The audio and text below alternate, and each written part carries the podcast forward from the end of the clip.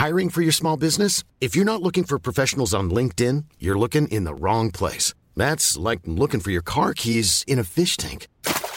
LinkedIn helps you hire professionals you can't find anywhere else, even those who aren't actively searching for a new job but might be open to the perfect role. In a given month, over 70% of LinkedIn users don't even visit other leading job sites. So start looking in the right place. With LinkedIn, you can hire professionals like a professional. Post your free job on linkedin.com slash people today.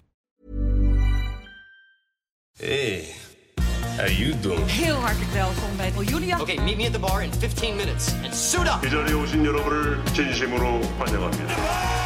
Listen to what Mr. Shelby has to say.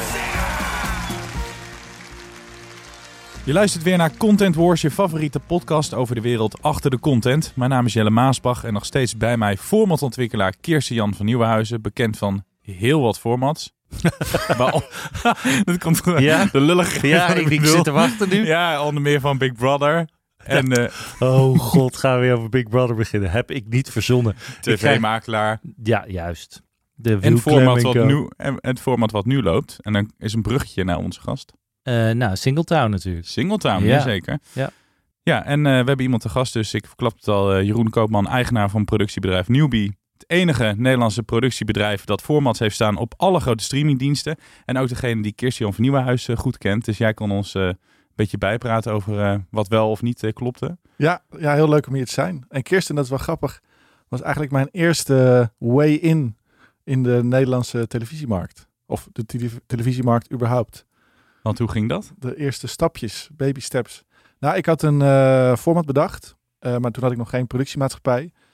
En ik was wel altijd ondernemend. Ehm, en toen dacht ik, ik geloof heel erg in het format. En heb ik toen een hele uitgebreide pilot van gemaakt. En ook een heel online platform om te bewijzen dat, dat, eh, dat het werkt. Want ik dacht, ja, who am I? En ze zien me al aankomen bij de voordeur, bij al die zenders. Ik kende ook niemand. En ik ging het gewoon bij iedereen die pilot pitchen die het maar wilde zien. En iedereen verwees me dan steeds weer door. Dat was een soort eh estafette. Tot ik dan bij Kirsten kwam. En eh, Kirsten zat toen bij ehm, Sony. Ja, Sony. Ja. En dat was toen de ehm, ja, eh, Sony Pictures Television. En die pitchte ik het. En die was heel enthousiast. En toen ik voelde wel dat we daar een connectie over hadden. En zei hij, ja, nu moet je daar nog even pitchen. En misschien moet je dit nog even fine-tunen. Maar die heeft jou dus geholpen. Zeker. En ook later nog. Ik, sterker nog, ik gebruik soms nog wel eens wijsheden alsof ze van mezelf zijn. Die ik eigenlijk van Kirsten Van. Kirsten Jan. En de cirkel is rond, zou Louis van Gaal zeggen. Jongens, nu ja. zijn we hier bij elkaar. En hè, het is dus wat je eh, mooi zei, het is al klein begonnen. En in 2020 sloot je tijdens de coronacrisis een deal met Netflix. Want eh, jij en je team mogen een reboot maken van de Australische serie Heartbreak High. Ja, dat klopt. Een Nederlands bedrijf dat een Australische serie opnieuw mag gaan maken voor een Amerikaanse streamingreus. Ja, Kan je even toelichten hoe deze aparte ja dat, is, ontstond? dat is op zich eh, een leuk, maar ook een lang verhaal. Dus ga er rustig voor zitten. Ehm, ehm, het begon eigenlijk... eh, ik werd geboren in 1940. maar ehm, volgens mij was het in 2019 of 18 of zo. zaten we op kantoor en we waren aan het lunchen. En het gesprek ging over Heartbreak High. Van, oh ja, weet je nog Heartbreak High? En toen bleken heel veel mensen daar fan van te zijn. En dacht ja, dat zou eigenlijk nu ook nog wel kunnen werken. Qua thematiek, qua vernieuwendheid, qua rauwheid. Ehm, en die tijd hadden we een eh, vlog op eh, LinkedIn. De Newbie vlog heette dat. En het idee was mensen mee te nemen in onze avonturen van wat er allemaal bij Newbie gebeurt. En het idee was vooral ook niet alleen maar goed nieuws, maar ook slecht nieuws te delen. Ehm, en toen dacht ik, oh, dit is wel een leuk onderwerp. Ehm, en toen ben ik dus gaan filmen dat ik dus het idee had om die rechten te verkrijgen om een reboot te doen. Maar dat was dus niet meer dan een idee om de rechten te krijgen. En nou, dan, daarna komt nog een heel traject. Ehm, en dan had ik dus gepost op LinkedIn een filmpje daarover. En dat ik niet wist van wie de rechten waren. En dat werd heel goed opgepikt. Sterker nog, ik werd door journalisten gebeld. En het kwam eh, nou, bij BNR onder andere. Hoorde ik op de radio ineens... eh, Jeroen Koopman heeft het, eh, gaat de Heartbreak High reboot doen. Terwijl ik, er was nog helemaal geen enkele vraag dat ik het ging doen. Het werd ervan gemaakt. Het werd van gemaakt. Maar toen dacht ik, oh, blijkbaar zit er iets in. En via via, eh, een goede vriendin die in Australië eh, werkte toen op dat moment. eh, die zei toen, ja, volgens mij moet je de erfgenaam hebben. Eh, en die wist wie dat was. Die heb ik toen benaderd. eh, Brian. En ehm, ja, die had helemaal geen interesse. En die, ehm, zei ja, en ik reis ook veel. Hij woont in Sydney, in Londen en New York. Dat, die serie heeft het goed gedaan. Ja. Ehm, ik zeg, goh, wanneer ben je in Londen? Zei hij, eh, nou, dan, nou, ik zei, nou, is toevallig, eh, dan ben ik er ook in Londen. Dus ik snel tickets boeken voor die periode eh, naar Londen, hem uit lunchen meegenomen. En toen een heel enthousiast verhaal gehouden. En dat was niet een fake story, want ik was daadwerkelijk fan. Ik wilde dit echt heel graag. De dag voor onze ontmoeting vertelde hij dus een offer had gekregen van een andere partij die dus ook een reboot wilde doen. 25 jaar niks gehoord. Dat is 25 jaar geleden die serie. En eh dus hij zei ja, ja. En toen zei ik ja, is geen toeval, want kijk deze serie. Dat kan niet anders dan dat het geïnspireerd is dat iemand die serie gezien heeft op LinkedIn Ja. dacht, oh, dat ga ik ook doen. Ik zeg, wil je zaken doen met degene die, die dit idee heeft of degene die daardoor geïnspireerd is? Ja, ja, nou goed. En uiteindelijk wilde hij dit wel doen. Dus wij hadden, we hadden de rechten, we hadden het plan, eh, we hadden de creatieve visie. En toen zijn we eigenlijk gaan shoppen met producenten. Eh, een soort beauty contest van wie, met wie hebben we de leukste klik en wie vindt het leuk en wie gaat erop aan. En uiteindelijk werd dat eh Fremantle Australia. Die maken ook eh, Neighbours en eh, Wentworth. Best echt een grote producent. Goede producent ook. Ja, zeker. En, en die waren super enthousiast. En vanuit daar zijn we samen opgetrokken. Had je het toen al verkocht? Ja, ik zit even na te denken. Volgens mij hadden we het of nog net niet of bijna. Ja. Ehm, Want Netflix was meteen geïnteresseerd eigenlijk. Ja, ja, en Netflix Australia. Dus het grappige was, dat bleek achteraf, maar de nieuwe commissioner van Netflix Australia was de vroegere assistent van de CEO van Fremantle Australia. Overigens, inmiddels is de eh, CEO van Fremantle Australia de commissioner van Netflix. Dus die heeft de overstap gemaakt naar de klant. Eh, en die waren meteen heel enthousiast. Want we gingen het echt samen pitchen. Dus wij hier, zij daar. En daar werd er meteen heel enthousiast op gereageerd. En wij, ja, we hadden gewoon een co-productie agreement, zeg maar. Dus het was met ons samen. En toen zijn we eigenlijk langzaam... Wij zaten in de driver's seat, zeg maar, toen we startten. En op een gegeven moment ga je dan langzaam naar de Mhm. bijrijderspositie. Want eh, en dan lees je mee, je bekijkt de castingvideo's en, en de edits. Maar, maar eh, wij staan niet op de set in Australië. Eh, maar ik ga er nu eh, deze zomer... Als, en ik kon er ook, ook niet meer heen op een gegeven moment door, door corona. Nee. En, ehm, en nu komt hij hier. Wanneer komt het uit? Ja, dat ga ik je gewoon vertellen, terwijl dat nog nergens gecommuniceerd Dit- is. hier komt de scoop. Hier komt de scoop. 15 september. 15 september, wat vet. wel snel. Ja. Ook in, ook, en dan meteen is het een soort wereldwijde Ja. première? Ja. Wat leuk. het wordt echt heel... eh, ik, ik heb het natuurlijk gezien. Het is volgens mij jullie grootste, grootste productie tot nu toe. Verreweg. Ja. Ja. Ja, en het grappige is waar we dan eh, relatief in de productiekant het minst werken hebben gehad. Ik bedoel, Ja. echt een lange aan. We zijn twee jaar bezig geweest met het hele traject. Wat ik je net schetste met rechten Ja. ontwikkelen en eh, dealmaking. En, ehm, en, ehm, en nu eh, maar verreweg grootste productie. En, en niet te veel problemen, want dat kan ook. Hè? Dus, eh, zeker als het zo ver weg wordt geproduceerd, dat je natuurlijk een producent hebt waar je tegen dingen aanloopt. Dat merk je pas als het, als het gaan maken natuurlijk. Nee, maar dat hebben ze echt heel goed gedaan. Dus eh, al luisteren ze in het Nederlands nu, niet- nu niet mee, kan ik Nee. alsnog vertellen dat ze het echt heel goed Ja. gedaan hebben. En, ehm, en ook wel in een scope die voor ons nieuw was. Hè, dus gewoon van qua, qua, qua budgettaire omvang, qua aanpak. Ehm, ja. En het is inhoudelijk, ik ben, ja, ik ben er echt heel blij mee. Leuk. Hey, tof. Eh, zometeen meer over eh, de serie en over je werk voor Netflix. Eerst gaan we het hebben over de man of vrouw die in de hoofdrol stond. In de hoofdrol. Dagen, Kirsten, dan kijk ik naar jou. Ja. Wie zit jij in het zonnetje of... eh, We wilden, het even, we wilden het even hebben over de wispelturige carrière van Dionne Staks. Waar veel over gesproken wordt natuurlijk. De, veel kritiek ook op is, op een aantal programma's. En een van de laatste is natuurlijk Dionne Dichtbij nu met de First Ladies. Ehm, zij is de presentatrice van een van mijn favoriete programma's van Onschatbare Waarde. Wat ik, wat ik er overigens heel goed vind doen, maar dat is ook een heel sterk format. En andere formats is toch wel, eh, ja, dat, dat is heel wispelturig eigenlijk. Ze, ze kan nog niet echt een eh, stempel drukken op heel veel formats. En er is, wat ik al zei, op de andere dingen die zij doet, ook op Dionne Dichtbij, is wel wat kritiek. Het is een beetje oppervlakkig. En het, ik vond de, de serie met Maxima vond ik ook niet sterk. Ehm, maar krijgen ze elke keer de verkeerde formats dan aangereikt? Of, eh? ja, dat is lastig. Ik denk dat ze bij de Max best hele leuke dingen mag doen. Want ze doet daar ook Droomhuis gezocht in plaats van Siebrand.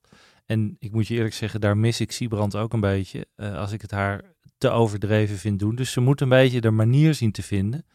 En misschien is het soms wel dat ze eh, dat een, een, een programma helemaal dragen voor haar wat lastig is. En dan moet het format gewoon heel sterk zijn. En, dan, eh, en, en misschien moeten ze af en toe ook eens denken aan een duo-presentatie. Dat zou ook wel eens kunnen helpen. Ehm, overigens vind ik bij Dionne dichtbij dat het ook niet op NPO 1 moet. Maar dat is een NPO 2 show als je het gaat doen over eh, First Ladies. Eh, en ik snap ook niet nu de, dat ze het nu gaat uitzenden. Dus dat snap ik eigenlijk ook niet. Dus er zitten een paar dingen waar zij niet zoveel aan kan doen. Maar op een of andere manier is het gewoon lastig voor haar om echt eh, boven het miljoen te blijven, zullen maar zeggen. Wat ze met onschatbare waarde by far heeft. Hè? Anderhalf Mhm. miljoen kijkers soms. Maar met haar andere shows. Aria doet ze ook. Dat heeft het ook best redelijk goed gedaan, moet ik zeggen. Maar goed, eh, daar wilden we het even over hebben. Eh, terug naar jou, Jeroen. Over eh, succes gesproken. Die samenwerking met Netflix. Er zijn heel veel bedrijven hier in Nederland die, die willen echt heel graag een samenwerking met het grote Netflix aan. Jij kan vertellen hoe het achter de schermen gaat. Je gaat natuurlijk nu niet zeggen dat het eh, een broerde bende is. Maar hoe is het om met zo'n grote streamer samen te werken? Nou, het is grappig dat je zegt eh, dat iedereen daar heel graag mee wil werken, maar dat is best wel lang niet zo geweest. Ik heb het, eh, wij zijn best wel vroeg begonnen met te zeggen wij zijn volledig gespecialiseerd in het, in het ontwikkelen en maken voor streamers. En jarenlang waren we de enige. En het voelde altijd een beetje alsof, alsof je in een stad woont waar echt een soort super gekke discotheek is. En of nou, het hoeft niet alleen Netflix te zijn, hè. het is ook Amazon of Viaplay of HBO, zeg maar de streamermarkt in het algemeen. Maar dat je een soort discotheek ontdekt waar de beste DJ's draaien, waar leuke mensen komen.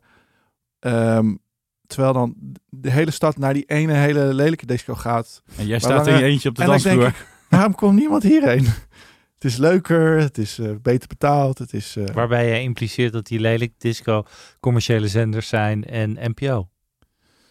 eh, nou, dat is jouw lezing van deze Ja, podcast. Ja, want, hoe komt het dat jij op een gegeven moment besloten... we gaan alleen maar voor die grote streamers? Want ik zat bij jullie inderdaad op de site te kijken. Dan zie je Videoland, Prime, HBO Max, Viacom, CBS. Echt Ja, dat- grote namen. Ja, dat is een beetje een. en, en inmiddels zitten daar natuurlijk heel veel meer producenten op. Hè? Dus, dus we zijn al lang niet meer de enige. Maar dat komt voort uit dat toen wij startten, kwamen we eigenlijk veel meer uit de YouTube-kant. Ehm, dus we hebben heel lang. eh, ik had eigenlijk altijd wel de ambitie om echt eh, lineaire televisieformats te maken. Ehm, maar ik dacht ook, ik ben jong en, en, en, en wie ben ik? En niemand nam me daarin heel serieus. Ehm, en, en toen dacht ik eigenlijk heel pragmatisch, laat ik starten op YouTube en dan vanuit daar doorgroeien naar tv. Maar ik voelde eigenlijk dat ik de on-demand wereld, en zo zie ik dan YouTube ook, eigenlijk beter begreep, leuker vond. Ehm, en dat de stap vanaf, vanuit daar naar tv ook niet zo goed werkte.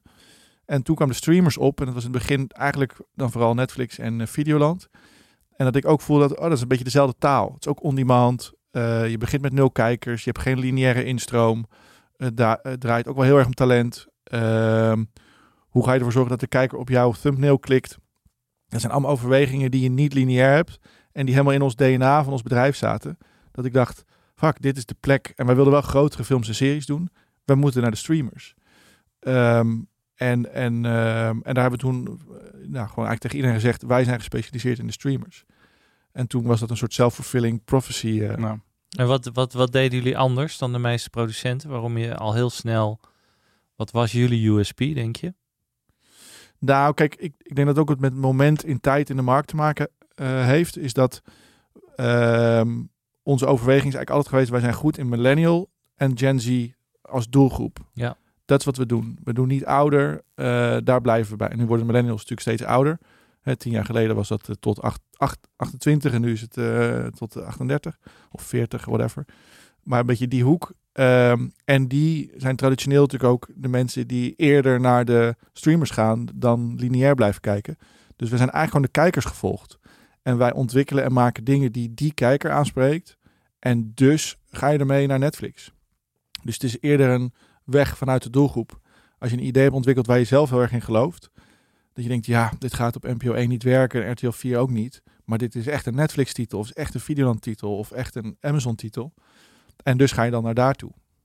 Want Kirsten jij hebt wel eens gezegd, die, die streamers hebben echt gewoon eh, de markt geopend of, of de boel gered, zo kunnen we beter zeggen. Nou, ze hebben eh, voor een hele grote inkomstenstroom weer eh, gezorgd bij heel veel producenten. En Jeroen was daar de eerste die dat Ja. natuurlijk zag en daar succesvol mee was. En inmiddels eh, levert het voor heel veel producenten echt wel een flink deel van hun omzet op. Ehm, eh, dus de, in die zin merk je dat dat, en niet alleen voor die producenten, maar eigenlijk voor, voor eh, veel acteurs en scenario schrijvers, die hebben allemaal best wel veel meer werk gekregen. Maar wel bijzonder dat Newbie er als eh, eerste Nederlandse speler tussen... Zeker. En het bijzondere was dat Jeroen, hè, wat hij vertelde, dat is, nou, hoe lang geleden is dat nu, denk ik, Jeroen? Eh, dat je bij mij kwam, ik denk 10, 12 jaar geleden. Wanneer ben je? Ja, dus dat is in zo'n korte tijd dat je dan zo'n succesvol bedrijf en eigenlijk een soort voorloper bent voor. eh, dat is wel door de bijzonder. way in, hè? Dat kwam door de way in. Nou ja, Ja, dat Jeroen, jij goed voor hem hebt Kijk, gezorgd. in het bijzondere van Jeroen was toen hij bij mij kwam. De, ik heb eh, heel veel formatontwikkelaars die krijgen ideeën van buiten. En het is eigenlijk nooit, levert het iets op. Het levert je altijd heel veel werk op, maar het levert nooit een echt idee of althans een format op. En Jeroen was een van de enige, ik heb altijd gezegd one out of hundred, die met een, een format kwam. Niet alleen een idee, maar een format die helemaal uitgewerkt was. En die ook over alle antwoorden had, na alle vragen had nagedacht. Had overal een antwoord op. En dat was bij mij een reden dat ik dacht, shit, die gast, hij snapt het echt. En hij heeft er heel goed over nagedacht. Ehm, want eh, zo, zo, daarna heb ik eigenlijk nooit meer echt iemand eh, heel doorverwezen of gezegd van we gaan een programma maken. Dat is, Jeroen is daar in de enige geweest. Nou, dat was een voorteken op de talent wat hij heeft. En dat je in zo'n korte tijd zo'n succesvol eh, bedrijf kan starten. En ook meteen dus zoveel streamers kan, kan bedienen. Ja. En dat is bijzonder. Ik heb Kirsten betaald van tevoren om eh, dit allemaal... Om deze eh, complimentjes. Want hoe ben je daar eh, als Nederlandse speler eh, bij al die streamers terechtgekomen? Is het zo dat je werkt een keer voor een, een Prime en dat je dat op je palmares hebt en dat je dan terechtkomt bij die andere? Is er één streamer geweest waardoor je opdracht kreeg van die andere? Of Hoe, hoe is dat zo gegaan? Ja, ik denk wel dat het een beetje zo werkt. Eh, onze eerste ehm, deal was denk ik met Netflix eh, in 2017 of 18 of zo. Dus dat was voor die, die Heartbreak High, maar dat was met Misfit. Mis- ja. Ehm, en dat was een hele low budget film die we zelf mede gefinancierd hadden samen met de distributeur Splendid. En, eh, en die deed het eh, tegen verwachting, niet tegen onze verwachting, maar tegen de marktverwachting echt heel goed in de bioscoop. En Netflix kocht toen die film gewoon als, als licentie. Eh, en een filmlicentiedeal is niet zo heel spannend. Er worden, zeg maar, alle films in Nederland staan uiteindelijk wel bij één of een andere Mhm. streamer. En op Netflix deed hij het heel goed. Ehm, en dat versterkt natuurlijk dan wel je relatie. Dat je een film hebt die jij gemaakt hebt, die het op hun platform goed doet. En als je dan een commissioner spreekt, en je kan zeggen, oh, we zijn van, van Misfit, zullen ze wel zeggen, goh, heb je nog andere ideeën? En als je dan een ander idee hebt, wat ze ook leuk vinden, dan, voor je het weet, heb je een, ehm, nou ja, een lopende relatie. En ik denk wel dat er, als er een nieuwe streamer komt, dat die gaat kijken van, oké, oh ja, welke partijen zijn succesvol op welke platformen? Ehm, en, daar, en daar waren we lang de enige in. En nu, ja, nogmaals, nu inmiddels eh, zeker niet meer. En voelen we echt veel concurrentie. En moeten wij ook weer bijschalen en denken, shit, oh ja, we missen die, die pitch. Of daar waren we net even te laat. Ehm, nou dat is voor ons een nieuw speelveld. Maar die concurrentie onderling is natuurlijk hevig. Is het niet zo dat als je bijvoorbeeld een paar mooie producties bij Netflix hebt staan, dat ze zeggen, nou, we willen liever niet eh, dat je naar HBO eh, gaat? Of werkt dat niet zo? Nee, ik denk wel dat ze daar heel pragmatisch in zijn. En het is ook niet zo dat elke titel past bij elke partij. Ik denk dat het ook aan ons is als producent om heel goed bij een idee te kunnen zeggen: dit is echt een titel voor Videoland. Of dit is echt een titel voor Amazon. Mhm. En daar zit soms overlap in. Er zijn ti- titels die iedereen wil hebben. Maar er zitten ook ehm, echt wel titels in dat je denkt, nou, dit is echt, eh, we doen veel voor Videoland, is ook een hele fijne klant. En eh, dan weten we echt wel goed, dit is echt een titel die goed bij hun past. En dan gaan we dan ook niet mee naar iemand anders. Zijn er dan nog andere streamers die je erbij zou willen op je, op je lijstje? Of heb je echt nu alles wel binnen? Nee, Apple, Apple denk ik, eh, Apple Plus, maar die doen maar echt extreem weinig. Ehm, eh, Sky Showtime komt er dan aan. Ik denk binnen nu en een maand of zo.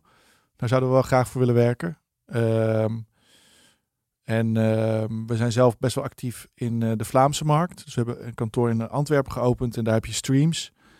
Eh, en we, we hebben een aantal titels op streams. Dat is een beetje de, de Vlaamse Videoland. En eh, daar hebben we wel een aantal titels op staan, maar het zijn allemaal ehm, ready-made. Dus titels die we al gemaakt hebben in Nederland, die dan daar ook op staan. Mhm. Maar dat is natuurlijk anders dan dat je een original maakt. Dus dat is voor ons ook wel een, een, een klant waar we graag voor willen werken. Ja, originals maken, dat is wel het, eh, Ja. het doel, hè? Zou het hier werken? Hey, eh, dan naar het format eh, uit het buitenland. En dan vragen we elke keer, werkt het hier of werkt het niet? Ik heb er een. Eh, een bijzonder format wat in Engeland loopt. eh, dagelijks. En het heet Springtime. En eigenlijk is Springtime, het loopt notabene, ik dacht de BBC 1, gewoon in primetime. En dat is eigenlijk dat ze een, een camera hebben lopen over eh, de, de, eh, bui- een buitencamera wat, wat filmt wat de lente is. Met, eh, met baby of met, met puppies en weet ik het, alles wat er geboren wordt en wat ontspringt. En eigenlijk is het een enorme slow TV. En Een waar beetje wordt dat uitgezonden? op BBC 1. BBC 1? Ja, ja dat is ongelooflijk. En dat wordt dus ook goed bekeken, want anders zou dat niet zijn op BBC 1. Ehm, en dan vraag je je af van ja, hoe is het mogelijk? Hè? Want BBC 1 is toch wel een hele bijzondere, eh, chique zender. En eh, dit, niet dat dit plat is, maar dit is niet dat je denkt dat ga je uitzenden. En de vraag is, zou zoiets dan op NPO 1 kunnen? Maar zit, Want- er, zit, er, er, zit er tekst in, zeg maar? Of is het... Eh, ja, er zit, er zit ook tekst. Het is een soort eh, voice-over. eh, een beetje Richard Attenborough. Oh ja. Ehm, En wat zegt hij dan? En het is gewoon heel mooi. Je ziet eigenlijk, het is natuurlijk op zijn BBC's gedraaid. Dus het is prachtig om te zien hoe eigenlijk de lente ontluikt. Eh, en de Engelse natuur is ook heel mooi natuurlijk. Dus ze hebben, er is echt wel geld in gestoken. Het is een soort natuurfilm, elke dag eventjes. Eh, maar ik vroeg me af, zou dat nou werken in Nederland? Want qua publiek is BBC 1 niet heel verschillend van NPO 1. Het is relatief wat ouder. Eh, het is ook echt wel de eerste zender van Engeland. Ik moet denken aan die filmpjes, die keek mijn vader dan van de vogelbescherming. Dat ze een camera zetten op Ja. zo'n vogelhuisje. Ja, Of dat daar je, lijkt het ook een beetje je- op. Dat je die kleine vogeltjes ziet. Ja. En Nou, eh, dat- op dat een nestje ze- gericht. En daar kijken dan duizenden mensen naar. Nou, dat, dat is het eigenlijk. Dus- Dat is een deel van dat, van eh, inderdaad, van Springtime. Je ziet dus ook inderdaad de nestjes. eh, ehm, maar ik, mijn conclusie is, ik denk niet dat de NPO 1 dit gaat doen. Eh, ik, eh, het zou hooguit iets middags kunnen zijn. Of, eh, maar ik vind het wel heel opvallend dat Zo BBC gedurfd zoiets ook. doet. Echt Ja. gedurfd, ja. Ja. En je had natuurlijk ooit had je die, die camera die voor op zo'n trein zat. Hè? En je hebt hem ook Oh, ja. in Amsterdam gehad dat hij een auto die door Amsterdam reed. Daar schenen ook heel veel mensen s'nachts naar te kijken. Knetterstoond of als je dronken was. Ging je daar naar kijken en dacht, ja, er rijdt langs mijn huis nu. Maar ehm, dus daar vond ik het ook een beetje op lijken. Het is een soort ultimate slow TV. En, eh, Maar kijken er, kijken er veel mensen naar? Ik denk het wel, want het is gewoon, het is toch BBC 1. eh. Ja. Ik, ik zie dan voor me dat je dat pitcht. Dus dat je bij een zender komt en dat je zegt, nou weet je, het format is dat we gewoon de lente gaan filmen. Ja. En dan met droge ogen. nou, we gaan het doen. Sterker nog, daily. Elke Daily. dag. Ja, dat is wel knap. Ja, dat is knap. Dat is de dat zegt wat over de. Nee, het zegt wat, want ik zeg ook wel eens van het verkopen van formats is vaak nog belangrijker dan het idee. Dus dit is zo'n voorbeeld. Maar goed, dat was eventjes een... eh, Nou, leuk. Ja. Het gaat Springtime. niet werken, maar Ga kijken mensen, BBC 1. had, eh, had eh, leuk kunnen zijn. Jeroen, je zei eerder dat een deal met Netflix niet een droom was die uitkwam. Daar was je eigenlijk best wel bescheiden over als ik jou zo eh, eh, teruglas. Wat is de droom dan wel? Heb je dat gezegd? Ja. Nee, eh, nou, dat zit hem denk ik meer in ehm, dat als ondernemer en de- en de- is dat je altijd naar een soort doel werkt. Maar als dat doel er eenmaal is, heb je, heb je al lang halverwege iets nieuws bedacht. En dat Mhm. zit hem dan meer in, ja, dat klinkt eh, natuurlijk zo eh, open deur, maar in de weg erheen dan in het behalen van dat doel. Eh, en nu denk je, nou, ja, we eigenlijk een tweede seizoen of een derde seizoen. Of ja, we hebben het dan wel in co-productie gemaakt. Dus ik zou het dan liever uiteindelijk ook wel weer zelf willen maken. Ehm, dus, dus voor ons zou nu de droom zijn eh, een, een grote internationale productie, maar die we dan volledig autonoom hebben ehm, kunnen maken. Eh, dus niet, niet met een co-producent samen. En eh, ook waar die over moet gaan? Of heb je dat nog niet helemaal... Nee, ik denk wel dat, dat, dat we het als bedrijf steeds belangrijker vinden om impact te maken, ook met het verhaal dat je vertelt. Dus wat, wat niet alleen maar dat het scoort of dat het tof is of dat er eh, veel kijkers zijn, maar ook ja, wat is de maatschappelijke impact en wat vinden mensen ervan op die manier. mhm. Dus dat je iets in beweging kan zetten. En dat kan natuurlijk zeker niet met eh, elke titel. Ehm, maar ik denk wel dat, dat we dat proberen en titels op basis daarvan proberen te beoordelen. Van, ah ja, wat, ja, wat is eigenlijk onze boodschap hiermee? Ehm, en daarin werken we overigens wel heel vaak met extern talent. Dus wat je net zei, ehm, dat er maar weinig vanuit extern goede ideeën komen, komen er bij ons, vind ik, echt veel goede externe ideeën. En zijn veel van onze succesvolle producties komen voort uit een idee van iemand die dat bij ons is komen pitchen. Maar dat zijn over het algemeen wel professionals, toch? Die dat komen. Het zijn professionals in andere werkvelden. Ja. ja. Dus het zijn theatermakers, het zijn ondernemers, het zijn eh, advocaten, Ja, grappig. Ja. podcastmakers. Ja. En, en die proberen we dan te omarmen. Dus je komen met een idee naar jou toe. Ja. Van ik heb een idee voor een serie. Ja. Wat grappig. En Wat soms is het gekste beroep wat bij jullie wel eens heeft eh, gepitcht? Dat bijvoorbeeld een eh, eh, verpleegkundige en eh, Nou, wij doen bijvoorbeeld, Ja. zijn we bezig, ja, ik weet niet of ik dat kan vertellen, maar je kan niet alles bezig, nee, dat kan ik trouwens wel vertellen. We hadden, er was bijvoorbeeld een, eh, een verloskundige. En nu was dat wel in samenspraak met een, een literair agent. En die kwamen eigenlijk als duo vertellen dat ze een boek gingen schrijven. En dat was een dagboek van een verloskundige. Ehm, en dat sprak ons meteen, eh, zij sprak ons aan, maar ook het verhaal van wat zijn nou de avonturen. In Nederland is het natuurlijk heel gek wat dat betreft hoe het werkt met de thuisbevallen. Ja. Dat is Ja. insane. Redelijk uniek. Eh, echt Ja. uniek. En zaten heel veel ehm, eh, verhalen in. En toen dachten we, wow, dat is wel eh, interessant. Ehm, en toen hebben we de boekrechten gekocht, nog voordat het boek er was. En dat werkte heel goed, want vervolgens werd dat boek best wel een hit. Ehm, en toen hadden wij die rechten en toen zijn we dat gaan pitchen als eh, serie. En dus dat was een verloskundige. wel tof. En, en die serie die gaat er komen. Daar zet, dat daar- dat hoop ik wel, ja. Dat kan ik nog niet zeggen. Kan je, kan je wat vertellen over de deals die er mogelijk eh, nog gaan komen? De andere, andere toffe dingen die op stapel eh, staan. We weten dus dat Heartbreak High 15 september. 15 september, ja. Ehm, ja, qua release. Ehm, we hebben wel echt een aantal hele... Kijk, we, wij zitten, we hebben best wel wat aan de personality documentaire kant gemaakt. En ook aan de reality kant. Mhm. Rondom personalities. Rico Verhoeven, Boef. Ja. En Loisa ehm, Loisa, ja, Loisa. ja. Ehm, en daarin zien we zelf wel een verschuiving. En dat komt ook vanuit die maatschappelijke ambitie om iets meer naar, ik zou zeggen, eh, echt maatschappelijke thema's te gaan. Of dingen die er in de maatschappij zijn gebeurd. Of groot nieuws. Of eh, rechtszaken die spelen. Ehm, en daar rondom verwacht ik de komende tijd wel een paar grote aankondigingen. Zou je over Kirsten van Nieuwenhuizen een documentaire kunnen maken, denk je? Zeker. Ja, dat is wel. Ik weet niet of er heel, Heel veel makkelijk. mensen. ik zou kijken. Schandaal, schandaal. Ja, maakt elke keer impact als je hier in deze podcast zit. Ja, Valt, nou ja, ach. Jij wilde net wat vragen aan Jeroen. Het ging Nee, nou, ik weet dat Jeroen net een kantoor heeft geopend in België. Dus dat, eh, daar feliciteer ik hem allereerst mee. Maar ten tweede is de vraag: is het nou, is België nou een hele andere markt dan Nederland? Wat, ja. wat is zeker. daar anders aan? Nou, het is de ogenschijnlijkheid van dat we dezelfde taal spreken, dat het heel erg veel op Nederland lijkt. Maar dat is helemaal niet zo, ook cultureel gezien niet. Ik persoonlijk vind ik eh, België een prettigere markt dan de Nederlandse. Misschien is het ook omdat ik nieuwkomer ben en nog geen slechte ervaring heb gehad. Hè. Dat, dat kan natuurlijk. Eh, maar het is echt een makersgedreven markt. Eh, ik denk dat de, de, de makers daar echt op een podium staan. Ik zie mezelf overigens niet als maker, maar ik zie wel het als mijn rol om de beste makers te vinden en, en talent te herkennen. Ehm, er wordt meer tijd genomen, zowel in de relatie als wel in het maakproces.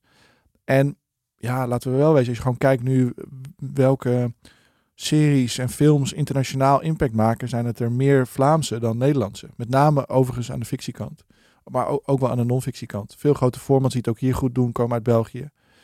Eh, en daar zijn ze heel bescheiden in, maar ze doen het hartstikke goed. Ehm, en dus ik vind dat we daar heel veel van. Onze ambitie van naar Antwerpen was, was eigenlijk om daar ook van te kunnen leren.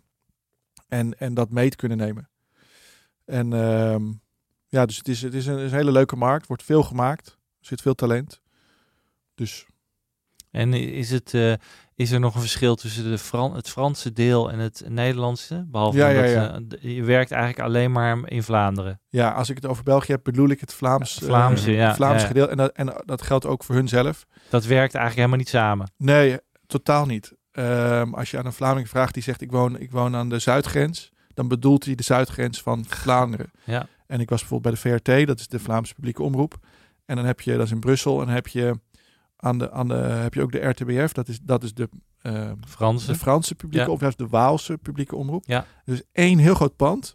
En de linkerkant is eh, de VRT en de rechterkant is dus eh, de RTBF. En er is geen enkele kruisbestuiving tussen die twee. Er zitten Dus- ook geen deuren. Nee, dus, ja, er zit een deur, maar er gaat niemand doorheen. En ehm, als je het ene pand bent, is ook andere cultuur, andere mensen, andere werkwijze, andere financiering. En een, een deurtje verder, daar kom je dan dus niet. Ik kom daar ook niet, is totaal anders. En, eh, maar ook eh, de streamers, hè, de streams levert ook alleen maar ehm, tot aan de Vlaamse grens. Telenet, eh, het zijn allemaal ehm, zeer lokaal eigenlijk. En het grappige is, ehm, er was een Vlaamse producent en die zei: ik zeg, Waarom zijn jullie nou zo internationaal, zo succesvol? Ja.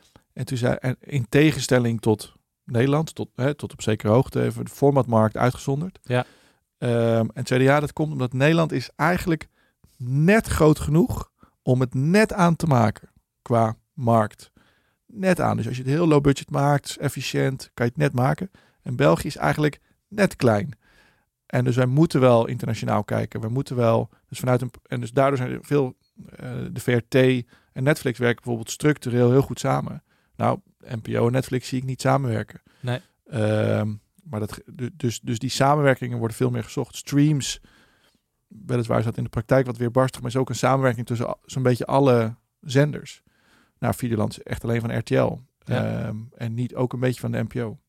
Dus ik denk dat ze door samenwerking sterker zijn. Leuk, goed verhaal.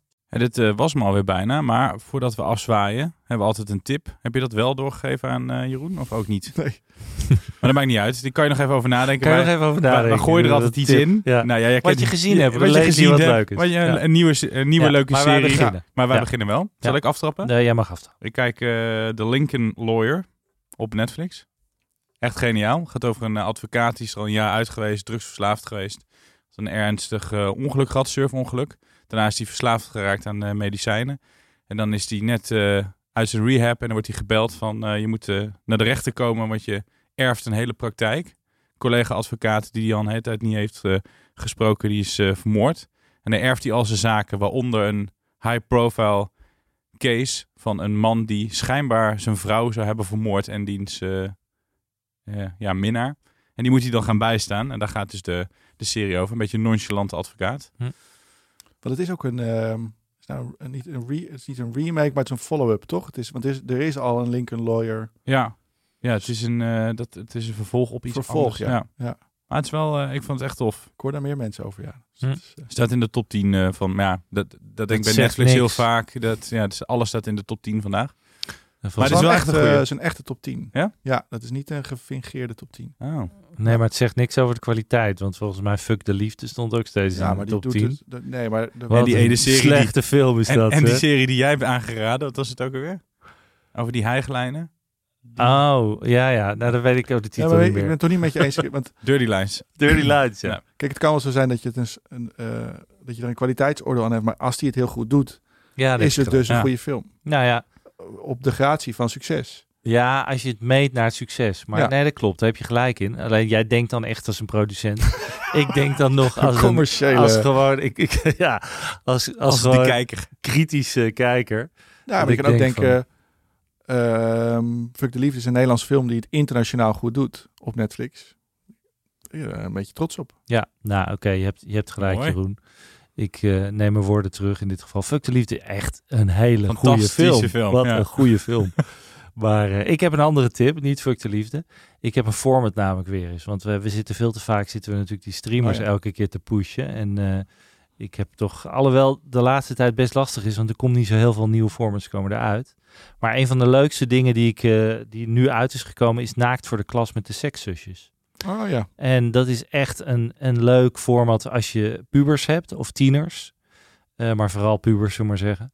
Om daar eens naar te gaan eh, kijken. Of althans je kinderen, want samen met je kinderen naar zo'n programma kijken is pretty gênant. Oh, maar het is een heel leuk format over twee zusjes die eigenlijk seksuele voorlichting geven voor een school in Buitenveldert hier in Amsterdam. Enige minpuntje wat ik vind is dat het een christelijke school is, waardoor ik weinig eh, kinderen van, eh, met een immigratieachtergrond zie. Dat is, vind ik dan weer iets jammer, iets meer jammer. Eh, maar goed, Eh, het is echt wel heel leuk. Het is leuk om die meiden te zien dat ze zelf heel erg nerveus zijn als ze voor die klas moeten gaan staan. Het lijkt een beetje op 100 dagen voor de klas bij de VPRO. Maar dit is ook geloven? VPRO. Dit is ook VPRO. Ja, zijn goede makers ook. Is echt, Ja, en het is, het is gewoon heel leuk. En het was altijd al, ik meen een YouTube-serie, de Sekszusjes. Eh maar ik vond het echt een tip. En ik hoop dat het, eh, dat het iets beter gaat scoren. Het had het redelijk gedaan, volgens mij, op NPO 3. Maar het mag wel, er mag wel wat meer bij. Ik denk wel dat dat gaat groeien. Ik vind het sowieso wel heel knap omdat zij eh, online zijn begonnen. En echt door, dit is nu echt een tv-format. Ja. Best wel groots opgezet. En dat doet het hartstikke goed. Ik vind sowieso dat de VPRO dat goed doet. Ja. Ehm, is vanuit meer online georiënteerd talent. Maar dat die zien, die oppakken, die faciliteren. En dan echt als maker samen. Ehm, ik vind het echt een heel leuk programma ook. Ja, over leuke tv eh, gesproken. Heb jij nog een leuk format of een leuk programma, Jeroen? Ja, geen format ook. ehm, ehm, maar wel een serie. HBO Max. En, en hij staat er al wel even op. Maar ik vind het echt een fenomenaal goede serie. Qua hoe die geschreven is. Qua casting, qua karakters. En dat is de White Lotus. Ik weet niet of jullie die gezien Nee, hebben. nee, de White Lotus is een... het, het is wel een beproefd concept. Is je brengt allerlei verschillende karakters samen op een plek eh, waar ze elkaar niet kennen. En in dit geval is dat een vakantie, een chic vakantieresort. En het is van een pasgetrouwd koppeltje eh, tot een familie met, ehm, eh, met kinderen en hun onderlinge st- strubbelingen. En, ehm, maar van karakter, het zijn zulke goed. ehm, je, je voelt dat de schrijver zoveel psychologische kennis heeft over hoe mensen in elkaar kunnen zitten en hoe dat onderling tot elkaar werkt. Sydney Sweeney zit daar ook in. eh, die natuurlijk Het is een beetje gek ook, hè? Het is een beetje een maffe serie, weet ik. ja, maar Rare niet, karakters een beetje. niet- ja. toch niet maffer dan mensen echt zijn. Ja. Eh, het voelt alsof je ze een soort onbespied, of hoe noem je dat, eh, dat, je, dat je ze ziet zonder dat ze dat doorheben. Eh, Het ik bedoel, het heel filmisch gedraaid hoor, maar, maar het voelt alsof je ze echt leert kennen. Ja. En er zitten heel veel goede ook details in, bijvoorbeeld het feit, eh, er wordt veel gelezen in het boek. Hè, dus je ziet mensen in de, in de achtergrond of, of bij het zwembad dan lezen. En dan op een gegeven moment was ik gaan googlen daarover en dan blijkt ook dat die schrijver heeft allemaal boeken dan weer gekozen die ze dan lezen, die weer helemaal passen bij het type karakter dat dat dan is. Dus zo iemand die leest echt in deze fase en ze levert dat boek. Dus op zulk detailniveau is daar zo goed over nagedacht. Echt een, eh, echt een goede serie. Tof. Dus White Lotus, HBO Max. Zijn we aan het einde gekomen.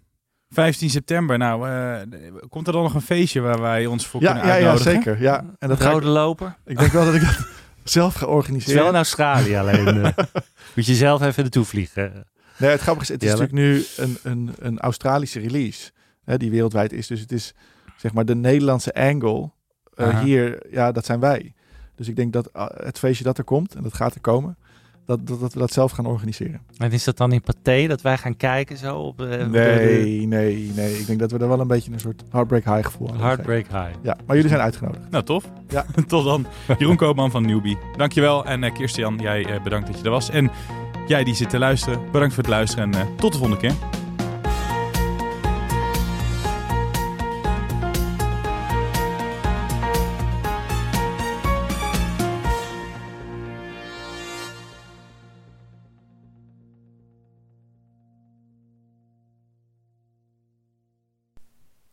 Ben jij content met deze content? Vergeet je dan niet te abonneren op Content Wars.